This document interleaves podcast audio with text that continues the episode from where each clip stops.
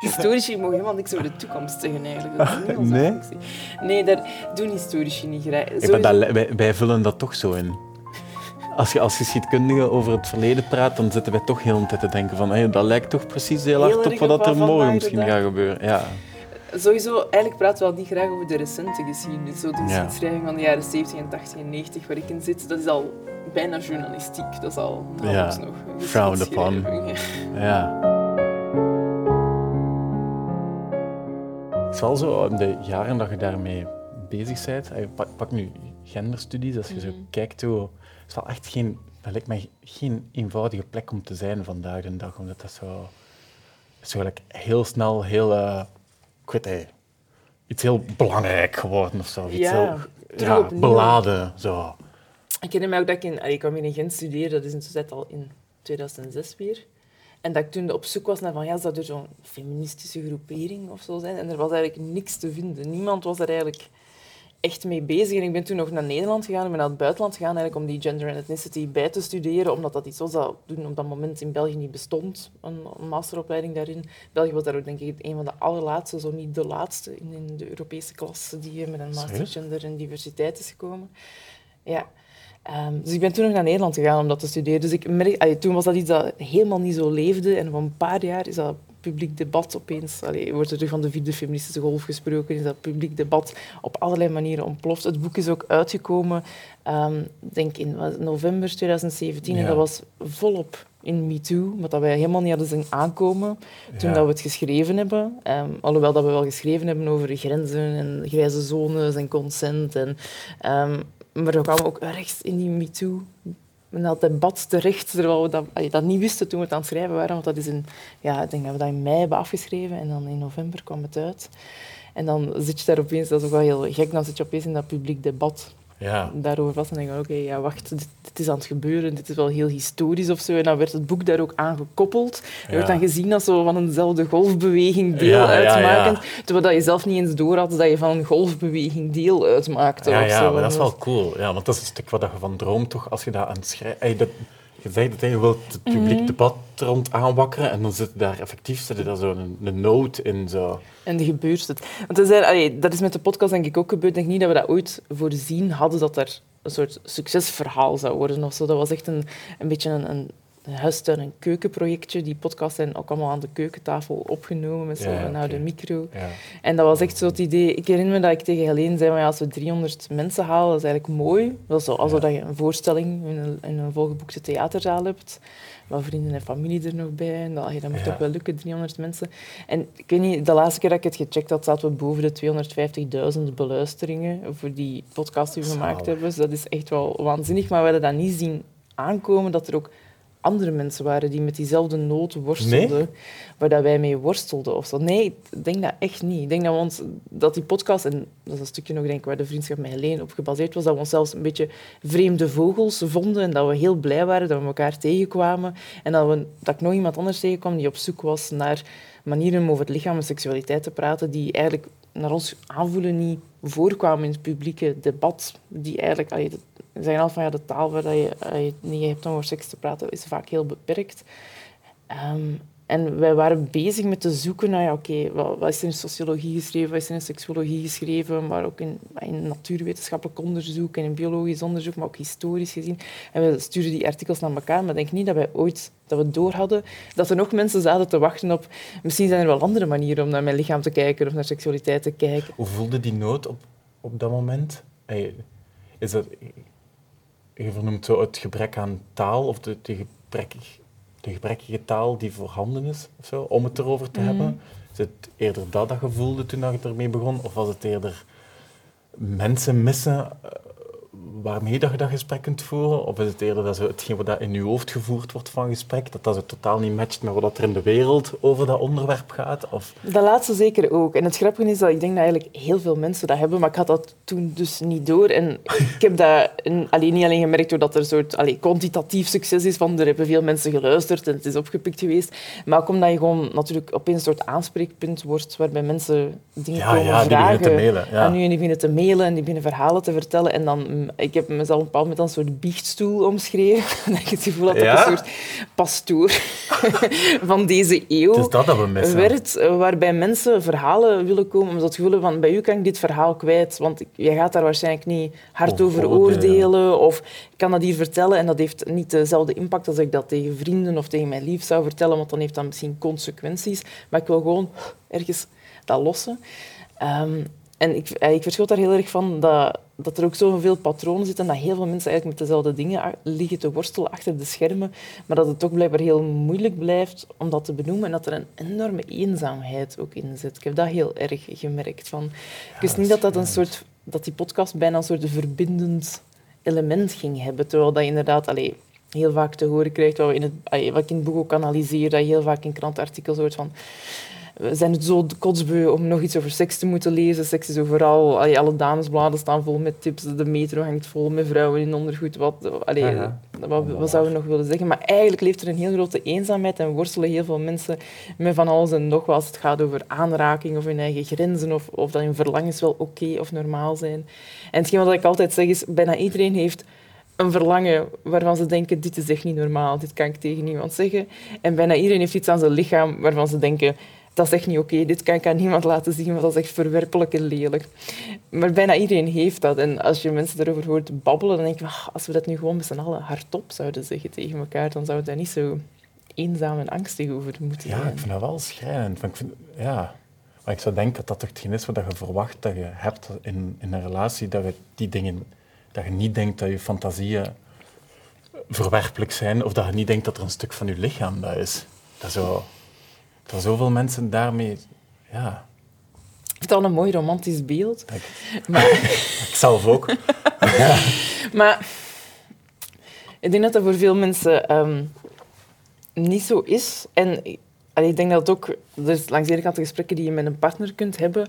Maar ik denk ook dat het belangrijk is om dingen met vrienden of zo onderling te delen. Allee, zeg het, je hebt zo die verschillende manieren om over seksualiteit te praten. En het is oftewel een soort van... Hey, gisteren, weet je wie ik ben tegengekomen, ik ben eraan blijven plakken. Ja. Ehm, oftewel zit je in een soort adviescolumn-achtig gegeven, waarbij dat er een groot probleem is en waaruit dat je vertrekt. Liefste fancy. Ja, Ja. zo dat van, en hoe moet ik dat aanpakken en hoe gaat het? Of je zit in een soort in heel performatief iets, waarbij dat je zoiets van, ja, maar eh, de tips en tricks en hoe moet ik dat dan doen? Of je zit in een soort wetenschappelijk vertoog. Als je, als je zelf meer informatie wilt opzoeken, dan zit je vaak in een heel wetenschappelijk vertoog. En je ziet dat ook, zoals we in het boek ook zeggen, aan de eigenlijke woorden die dat we gebruiken. Je hebt ook veel een soort heel laag register Ja. seksualiteit. Je hebt pik en kut. Of heb je een soort medisch register van Ja. vagina en eh, weet ik wel. En er is eigenlijk heel weinig soort middenregister daartussen. We hebben Ja. eigenlijk heel weinig woorden die oftewel medisch geconnoteerd zijn, oftewel platvloers geconnoteerd zijn, maar andere manieren om ons lichaam te benoemen over seks te spreken zijn er niet. En ik heb het idee dat dat zich ook vertaalt in de, waar, in de onderwerpen waarover dat we kunnen spreken. En dat er ook ehm, langs, dat, dat er ene kant, langs de ene kant schaamte ligt over bepaalde onderwerpen en langs de andere kant ook ja, een soort schroom toch om te babbelen over wat dat er, dat er moeilijker gaat of zo. En dat is wel iets dat ik bij mijn eigen, mijn eigen vriendengroep ook merkte. Maar je kan wel praten over hoe vaak dat je wel seks hebt gehad, maar als je een jaar geen seks hebt gehad, kun je daar eigenlijk niet over praten. Is daar niet de ruimte voor om te zeggen van het werkt niet meer bij mij, het lukt niet. Er zit, eh, ik ben op een barrière gestoten, ik voel dat er iets van trauma boven komt en ik, ik heb geen seks op dit moment. Dat is iets dat dan bijvoorbeeld veel moeilijker ligt om dat naar voren te brengen en over te babbelen. Mhm. Ja, ik zit te denken, als ik het aan het lezen was ook, als ik het boek aan het lezen was, dacht ik. Ja, hoe komt dat dat zo moeilijk is om daarover te praten? Eigenlijk, als die schaamte... Wat, wat, wat- waarom maken mensen daar zo een, ehm, een issue van? Is, dat, is het ingebeeld? Zo van, eh, ik, ik, ik schat in dat als ik ga vertellen dat ik een jaar geen seks heb gehad, dat, er, dat, er, eh, dat ik daarop ga, negatief ga aangesproken worden. Is, is het iets ingebeeld en is het een keer proberen en zien dat dat eigenlijk wel oké is en dan vertrouwen hebben en de volgende keer meer durven vertellen? Of is het effectief zo dat, dat, dat heel vaak als je dan zoiets van risico neemt, dat je, Dat je nee. onderuit geslagen Ja, wordt. En, ja. eh, ik denk het ene en het andere. hè. Hoe vaak, als mensen daar dan negatief op reageren, ik denk dat je heel veel de neiging hebt dat je dan voor veel mensen dat je meer toeklapt en dat je denkt, Ja, ja, ja. ja. d- dit is het dan. Maar ik vermoed dat het ook een beetje een, een wisselwerking is, waarbij dat je... ehm, ik leef openlijk polyamoreus en daar krijg je heel veel reactie op als je ergens binnenwandelt. Die zegt, dit is mijn ene lief, dit is mijn ander lief. Dan zie je mensen kijken van, oh wauw. En dan komen veel mensen vaak... Ik had het dit weekend nog dat ik ergens was met een hele hoop mensen die ik lang niet gezien had en mijn twee lieven waren erbij.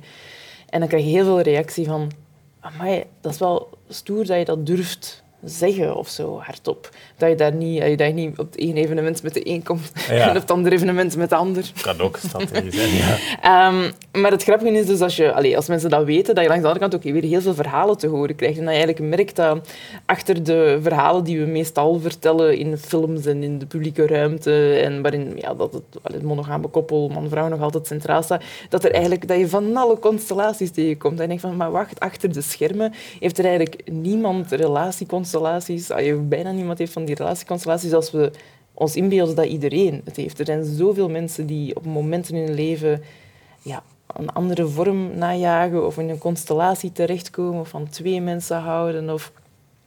Maar de meeste mensen komen daar niet vooruit en dan wordt dat natuurlijk een beetje een soort zelfbevestigend Ja, straatje ja, waarbij. Dat je denkt, ja, er is eigenlijk niemand anders en ik ben hier de, de wandelende freakshow die dat als enige doe. Ik heb soms het omgekeerde. Weet je? Snap je dat? Ja, dat je onder druk staat van... Maar nee, niet, ik voel me niet onder druk, echt niet. Dat ik zo denk van, oké, ja... ja, Maar wel heel maar- saai. Ja, Maar dat is natuurlijk het, het moeilijke dat die normering langs twee kanten Ja, gaat ja, doorslaan. ja. En dat is bijna altijd als je over seksualiteit schrijft, dat je ergens normerend te werk gaat, zoals. Foucault ons geleest, eh, geleerd heeft. Van, als je erover begint te praten, begin je normen op te stellen.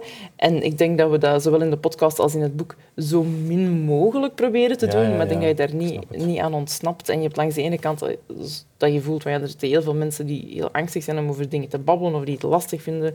Ehm, en langs de andere kant heb je dan natuurlijk de neiging om nieuwe... is er de kans dat je nieuwe normen oplegt. En ik denk dat we dat ook ehm, hardop proberen aan te raken in het Ja. boek waar we het over hebben. Maar ja, allee, en daar voel je ook een soort verzet tegen. Van, en ook dat idee van... Dat wordt vaak gekoppeld dan aan een soort neoliberale maatschappij waarin we leven. Het steeds meer, en het is niet genoeg. En het, de liefde als consumentisme. En, en Ja, na ja, drie maanden ben je het alweer beu en moet je naar de volgende voortspringen. En, en ik zelf ben er een, allee, een heel paradoxaal persoon in, want ik ben, ik ben met mijn ene lief al bijna 15 jaar samen. ja, van uw 16. Ja, dus ik ben een, ja. allee, langs de ene kant iemand heel loyaal, die heel graag in de diepte gaat in relaties en Ja. helemaal niet zozeer het, van het een op het ander springend of zo. Dat, dat heb ik minder in mij. Ehm, maar ik ben ook heel open en heel nieuwsgierig en ik, ehm, ik zie dat altijd als het conflict dat bijna in, in elke mens zit tussen ehm, veiligheid en geborgenheid en stabiliteit. Langs de ene kant een heel dicht willen zijn en langs de andere kant eh, de pool waarin dat je vrij wil zijn en op jezelf wil zijn en bewegen en waar dat je je Ja, ja. niet gebonden wil voelen. En ik zie dat in elk mensenleven spelen, het conflict tussen die twee. En voor de ene persoon is dat denk ik al wat uitgesprokener dan voor de andere persoon. De ene persoon neigt denk ik duidelijker naar de ene pool, naar de andere. Sommige mensen zitten wat in het midden.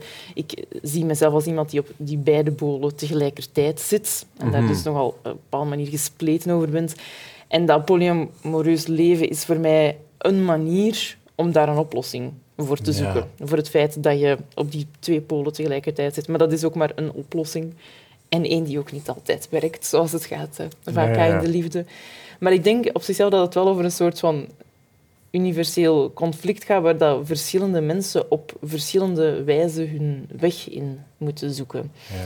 En er wordt natuurlijk, allee, veel oudere mensen zeggen ook vaak tegen mij van ja, maar dat is echt wel een fase ehm, in Ja? de jaren 60 en 70. Hebben wij dat ook allemaal dat ook gedaan? allemaal. Wij zaten allemaal in die communes en dat was allemaal tof. Maar op een gegeven moment begint dat Oh, toch dat wel toch. vermoeiend te worden. Ja. Wil je toch misschien kinderen en dan wordt dat wat ingewikkelder. En, Ik krijg de goede raad. Ja. Ehm, maar in de mate dat dat kan om niet normerend te zijn, denk ik dat we wel heel erg proberen van dat niet op te leggen als, want dat is dan de goede manier om, om in het leven te staan of dat is dan het pad dat je moet bewandelen.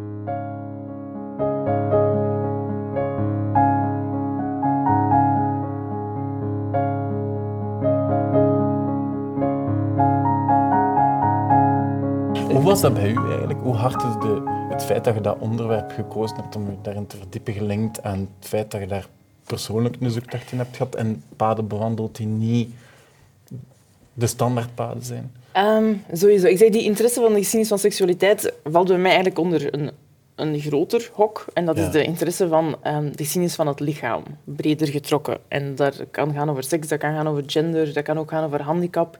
En het interesseert me heel erg hoe dat denkbeelden daar rond ontstaan. Doorheen de tijd, hoe dat ze veranderen doorheen de tijd. Want de constellaties zoals we die vandaag de dag kennen, hebben niet altijd zo bestaan en zijn ook met een reden zo gevormd geweest als dat ze nu zijn. Dat is niet op de lucht komen vallen. Of, nee. is niet per se het natuurlijke om te doen. Um, en het andere dat me daar heel erg in interesseert is dan de geschiedenis van, van handicaps. En hoe we dus naar ons eigen lichaam kijken, hoe we daar betekenis aan geven. Ja. En dat zijn zeker onderwerpen die in mijn, eigen, in mijn eigen leven heel erg gespeeld hebben. Het komt heel vaak altijd terug op dat lichaam en wat dat, dat te betekenen heeft. En ook de sociale bewegingen die zich daar rond organiseren. Want heel veel van onze sociale bewegingen gaan eigenlijk in C over uh, lichamelijke verschillen en hoe dat die zich dan vertaald hebben in maatschappelijke ongelijkheden. Wat uh, bedoel je eens concreet? Um, als je gaat kijken naar handicap of naar etniciteit of naar gender, ja, dan gaat het altijd over een soort lichamelijk verschil. Als vrouw heb ik een ander lichaam dan als man. En dat heeft zich vertaald in een huidelijke maatschappelijke constellatie waarin dat je andere rollen toebedeeld krijgt, waarin dat, dat er een scheiding bijvoorbeeld is geweest tussen de publieke sfeer en de privésfeer, waarin vrouwen in de privésfeer horen, mannen in de publieke sfeer, en waar dat reproductie, dus voortplanting, eh, vaak aan vrouwen is toegewezen als taak, de taken van het zorgen, het kinderen baren, het kinderen grootbrengen, en in die privésfeer geduwd, en uh, dat mannen zich dan in de publieke sfeer bezighouden met productie. En met het maken en vervaardigen van mhm. goederen. As we do. Ja, ja en zo wordt een maatschappelijk bestel daar eigenlijk rondom gebouwd en worden economische belangen verdeeld over wat dat in feite eigenlijk neerkwam oorspronkelijk ooit op een soort van lichamelijk verschil tussen een mannenlichaam en een vrouwelijk lichaam. En je kunt dat voor etniciteit ook zeggen. Minderwaardigheid op vlak van, uh, van etniciteit is ook heel vaak argumenteerd geweest op basis van lichaam en daarbij komt ook geest van, jij bent eigenlijk eh, lichamelijk minderwaardig. Er zijn mensen die uh, in bepaalde rassen die lichamelijk hoger staan dan andere rassen, die mentaal hoger staan dan andere rassen. En bij handicap kun je eigenlijk hetzelfde zeggen. En bij handicap zie je eigenlijk de weerspiegeling heel mooi ook van wat ons ideaal van burgerschap is vandaag de dag. Een ideaal van burgerschap dat gaat over autonomie, over zelfredzaam zijn, over uh, kunnen op de arbeidsmarkt ten volle functioneren. Mm -hmm. ja, niet 100%, maar 120% voor gaan. En dat wringt eigenlijk met wat handicap is. Want handicap ja, dat vreet eigenlijk een beetje aan dat burgerschapsideaal, want dat gaat heel vaak over niet ten volle kunnen produceren of niet ten volle op de arbeidsmarkt aanwezig wel kunnen zijn. Wel mensen nodig hebben. Ja. Wel op mensen moeten leunen, wel op mensen... Um, en het feit dat we dat heel moeilijk vinden om die twee samen te brengen, merk je, maar geeft ook opening tot kijken naar wat vinden we eigenlijk belangrijk als, als maatschappij. Waar hechten we waarde aan? Wat moet je kunnen in deze maatschappij om een waardevol burger te zijn? En hetgeen dat ik zie langs de ene kant is dat handicap op een bepaalde manier een opening zou kunnen zijn om dat open te trekken, omdat je toch al per definitie in een positie staat waarin dat je niet 100% mee kan, waarin dat je wel op anderen moet leunen, maar dat dat natuurlijk voor ieder van ons geld. geld van, je hebt die kleren niet gemaakt die je daar aan hebt. Je hebt die wijn niet staan. Maar die nu net wel. Die wel. Die heeft je met blote voeten zo ergens staan. Ja, op mijn ranch. Vertrappelen op ja. ranch. Um, alles wat je weet heb je geleerd van iemand anders die die kennis met je gedeeld heeft. Dus we leunen allemaal op elkaar in een interdependent netwerk van mensen en van uitwisseling en van solidariteit. Alleen worden bepaalde vormen van afhankelijkheid heel erg gezien als vormen van afhankelijkheid, zoals bijvoorbeeld ja. hulp nodig hebben om je aan te kleden. Dat zien we als, oeh, je bent afhankelijk van andere mensen. Dat is zwak. Maar het feit dat jij jouw eigen kleren niet gemaakt hebt, wordt niet gezien als een vorm van afhankelijkheid, maar dat is doorsnee, omdat dat gewoon is wat we gewoon zijn.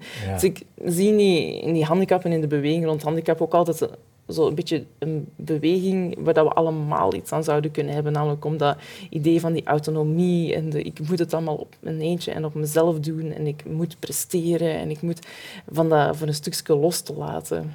Ja, dat is vrij cool. Dat, je, dat dat je bij wijze van spreken het, het, de term handicaps mega zou opentrekken Ja. en er allemaal een in hebt of zo. Ey, Het Ja. is nu niet iets te bepleiten, hè. Nee, nee, maar, misschien wel. Ik vind dat altijd een moeilijke vraag. Langs de ene kant kun je zeggen van handicap is een super poreuze categorie.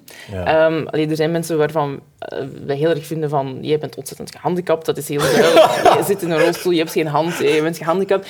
Maar je kunt dat natuurlijk ook zeggen, iemand met een zwaar oogprobleem, maar die daarvoor lenzen kan dragen, ja, die heeft eigenlijk natuurlijk ook een handicap, maar omdat er een soort van oplossing voor is, ervaren we dat niet als een handicap. Allee, Ja. Mensen zien mij als gehandicapt omdat ik geen rechteronderarm heb, maar niet omdat ik lenzen draag. Dat Ja, ja, als- Maar als ik nu in 1400 geleefd zou hebben, zou ik wel gehandicapt zijn doordat ik lenzen draag. Dus die categorie is heel poreus en het is ook een van de enige identiteitscategorieën waar je heel makkelijk van het een naar het ander kan gaan, bij manier van spreken. Als in de kans, het kan natuurlijk, maar de kans dat je morgen in een andere identiteitscategorie van gender of van race wakker wordt, is klein. Het Ja. kan, maar, ehm, maar de kans dat je gehandicapt wordt, is eigenlijk vrij groot. En er is ook iets- zoiets als ouder worden. Dus er is Ja. eigenlijk bijna een soort van zekerheid dat met de verloop van tijd dat je bepaalde kenmerken van handi- handicaps gaat Ja, krijgen. maar dat is de definitie van handicap. Dan is dat is, eh, dat is heel moeilijk